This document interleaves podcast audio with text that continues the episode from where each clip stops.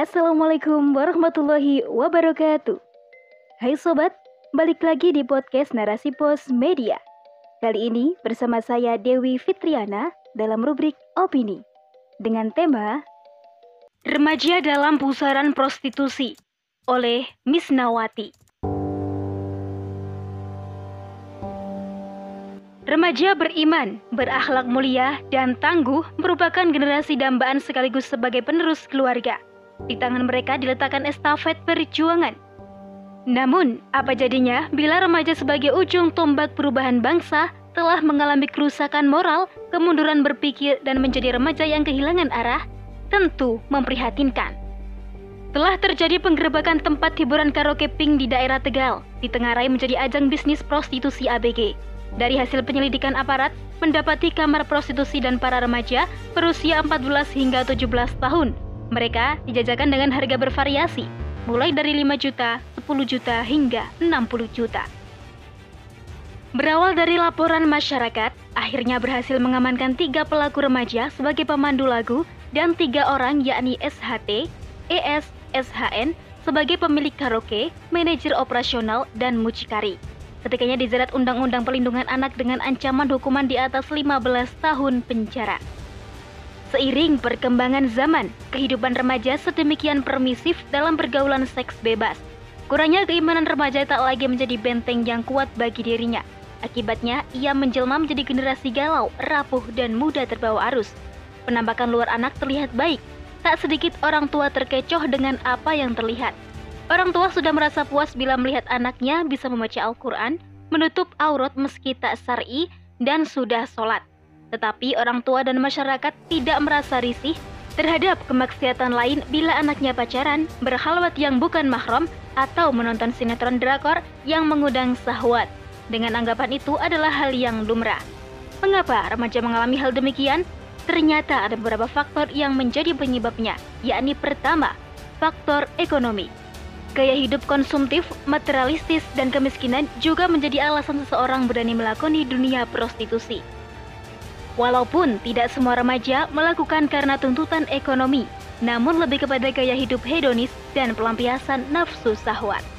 Kedua, dunia pendidikan tak kalah penting telah berperan merusak pemikiran remaja. Disadari atau tidak, di sini telah menanamkan nilai-nilai demokrasi, sekulerisme, liberalisme, dan yang lainnya yang jelas haram hukumnya diambil atau diterapkan baik bagi diri sendiri, masyarakat, terlebih oleh negara. Akibatnya jelas, remaja yang hadir minus visi misi terhadap agama dan kehidupan akhirat. Ketiga, rapuhnya keimanan dan ketakwaan serta minimnya pemahaman agama Islam kafah pada remaja maupun orang tua. Maka hilanglah sudah rasa takut kepada Allah Subhanahu wa taala. Hal ini pula yang menyebabkan masyarakat cuek dan abai akan peristiwa di sekitarnya, merasa bukan tanggung jawabnya. Padahal kontrol masyarakat sangat diperlukan sebagai bentuk penjagaan dan pengawasan atas perilaku menyimpang yang ada di tengah masyarakat. Bila tidak, Allah Subhanahu wa taala sendiri yang akan menimbakan bencana kepada mereka. Dengan tegas Rasulullah Shallallahu alaihi wasallam telah mengingatkan dalam sabdanya, jika telah tampak zina dan riba di suatu negeri, maka sungguh penduduk negeri itu telah menghalalkan bagi diri mereka sendiri azab Allah. Hadis riwayat Hakim. Dalam sistem demokrasi sekuler, sikap materialistis menjadi cirinya, tak segan menyingkirkan peranan agama dalam pengaturan kehidupan, selalu mengagungkan kebebasan dalam bertingkah laku. Selama itu mendatangkan manfaat atau keuntungan, halal haram tak jadi persoalan maka wajarlah bisnis prostitusi tumbuh subur dilakoni para pebisnis tanpa ada rasa takut kepada Allah Subhanahu wa taala. Dalam kapitalisme, perempuan dianggap memiliki nilai jual mulai dari ujung rambut hingga ujung kaki. Merupakan barang berharga yang bisa dieksploitasi, diperjualbelikan layaknya barang dagangan.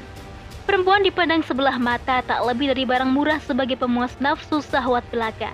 Dari sinilah lahirlah bisnis prostitusi Selain itu, hukuman bagi para pelaku kemaksiatan prostitusi dalam sistem demokrasi sekuler tidak memenuhi rasa keadilan, lemah, dan tidak memberikan efek jerak. Dalam pasal 88 UU Republik Indonesia nomor 35 tahun 2014 tentang perubahan atas UU nomor 23 tahun 2002 tentang perlindungan anak, bagi pelaku kekerasan seksual akan dikenai penjara paling lama 10 tahun dan denda 200 juta Walaupun negara telah menetapkan peraturan UU, namun di sisi lain telah menjamin kebebasan itu sendiri. Hal ini sangat kontras dengan Islam yang pelaksanaan hukuman bagi pezina benar-benar memberikan efek jerah yakni sebagai zawazir atau pencegah dan jawabir atau penebus. Khilafah menerapkan hukum-hukum Islam dalam roda pemerintahannya akan selalu menjaga suasana takwa tetap ada di tengah masyarakat. Melindungi para remaja agar bersih dari paparan yang dapat merusak akhlak dan akidah. Dalam Islam, perbuatan seks bebas atau prostitusi merupakan kemaksiatan dan kriminal. Pelakunya berdosa besar. Islam dengan tegas menyatakan seks bebas atau zina hukumnya haram dan termasuk perbuatan keji yang harus dijauhi. Allah Subhanahu wa taala berfirman yang artinya, "Janganlah kalian mendekati zina. Sesungguhnya zina itu perbuatan yang keji dan jalan yang buruk." Quran surat Al-Isra ayat 32. Larangan dalam ayat di atas cukup jelas apa saja yang bisa mengantarkan pada zina di masyarakat, baik di tempat karaoke, media cetak, audiovisual yang memuat unsur pornografi, porno aksi, haram dilakukan. Pelakunya harus dihukum tegas. Khilafah akan menerapkan hukum sanksi terhadap para bezina sesuai kadar perbuatannya. Jika telah menikah, akan dirajam.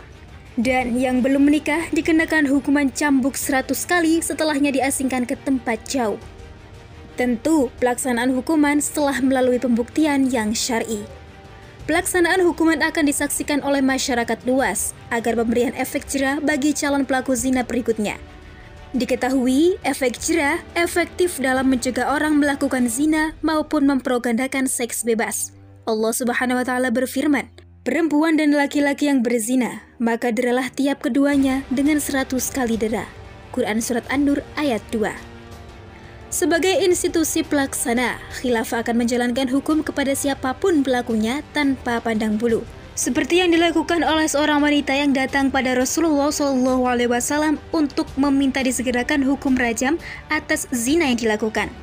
Namun Rasulullah SAW tidak langsung percaya atas pengakuannya. Beliau SAW menyuruhnya pulang. Lalu wanita itu datang lagi dalam keadaan hamil oleh Rasulullah disuruh pulang lagi, kemudian melahirkan hingga menyapih anaknya dua tahun.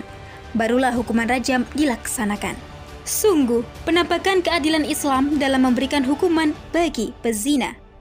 Dalam Islam, baik keluarga, masyarakat, dan negara saling bersinergi melindungi semua anggota keluarganya, termasuk remaja. Keluarga memastikan semua anggota keluarganya terpenuhi semua kebutuhannya. Orang tua wajib mendidik anak-anak dan menguatkan keimanannya, memberikan pembinaan Islam kafah, dan agar memiliki kepribadian Islam. Dengan demikian, tidak mudah terpengaruh budaya barat semisal pacaran ataupun pergaulan bebas. Kepedulian masyarakat akan lingkungan sekitar turut mengawasi dan mencegah terjadinya kemaksiatan. Bila satu saja yang bermaksiat sama halnya merusak tatanan sosial dan mengundang kemurkaan Allah Subhanahu wa taala. Sebagaimana dalam firman-Nya, jika telah tanpa zina dan riba di suatu negeri, maka sungguh penduduk negeri itu telah menghalalkan bagi diri mereka sendiri azab Allah. Hadis riwayat Hakim. Peran negara sangat dibutuhkan dalam menjaga moral masyarakat.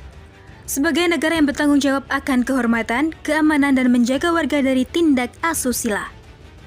Negara akan menutup tempat hiburan karaoke, hotel-hotel melati, serta memfilter internet dari konten-konten porno negara wajib menjamin kebutuhan dasar serta mendorong tumbuhnya perekonomian bagi rakyatnya agar hidup dalam kesejahteraan. Kemudian menempatkan perempuan di rumahnya saja sebagai pengurus atau pengatur rumah tangganya atau melakukan kegiatan yang bermanfaat lainnya. Dengan demikian, tidak ada lagi remaja atau masyarakat yang melakukan prostitusi, membegal, atau kejahatan lain dengan alasan ekonomi atau apa pun itu. Begitulah Perhatian khilafah dalam mengurus keperluan umat dengan melaksanakan hukum Islam secara totalitas di sendi-sendi kehidupan. Maka, perempuan akan terbebas dari segala macam perilaku seks bebas atau prostitusi. Oleh karenanya, kemuliaan dan kehormatan perempuan pun akan senantiasa terjaga dan terlindungi. Wallahu alam bisawab.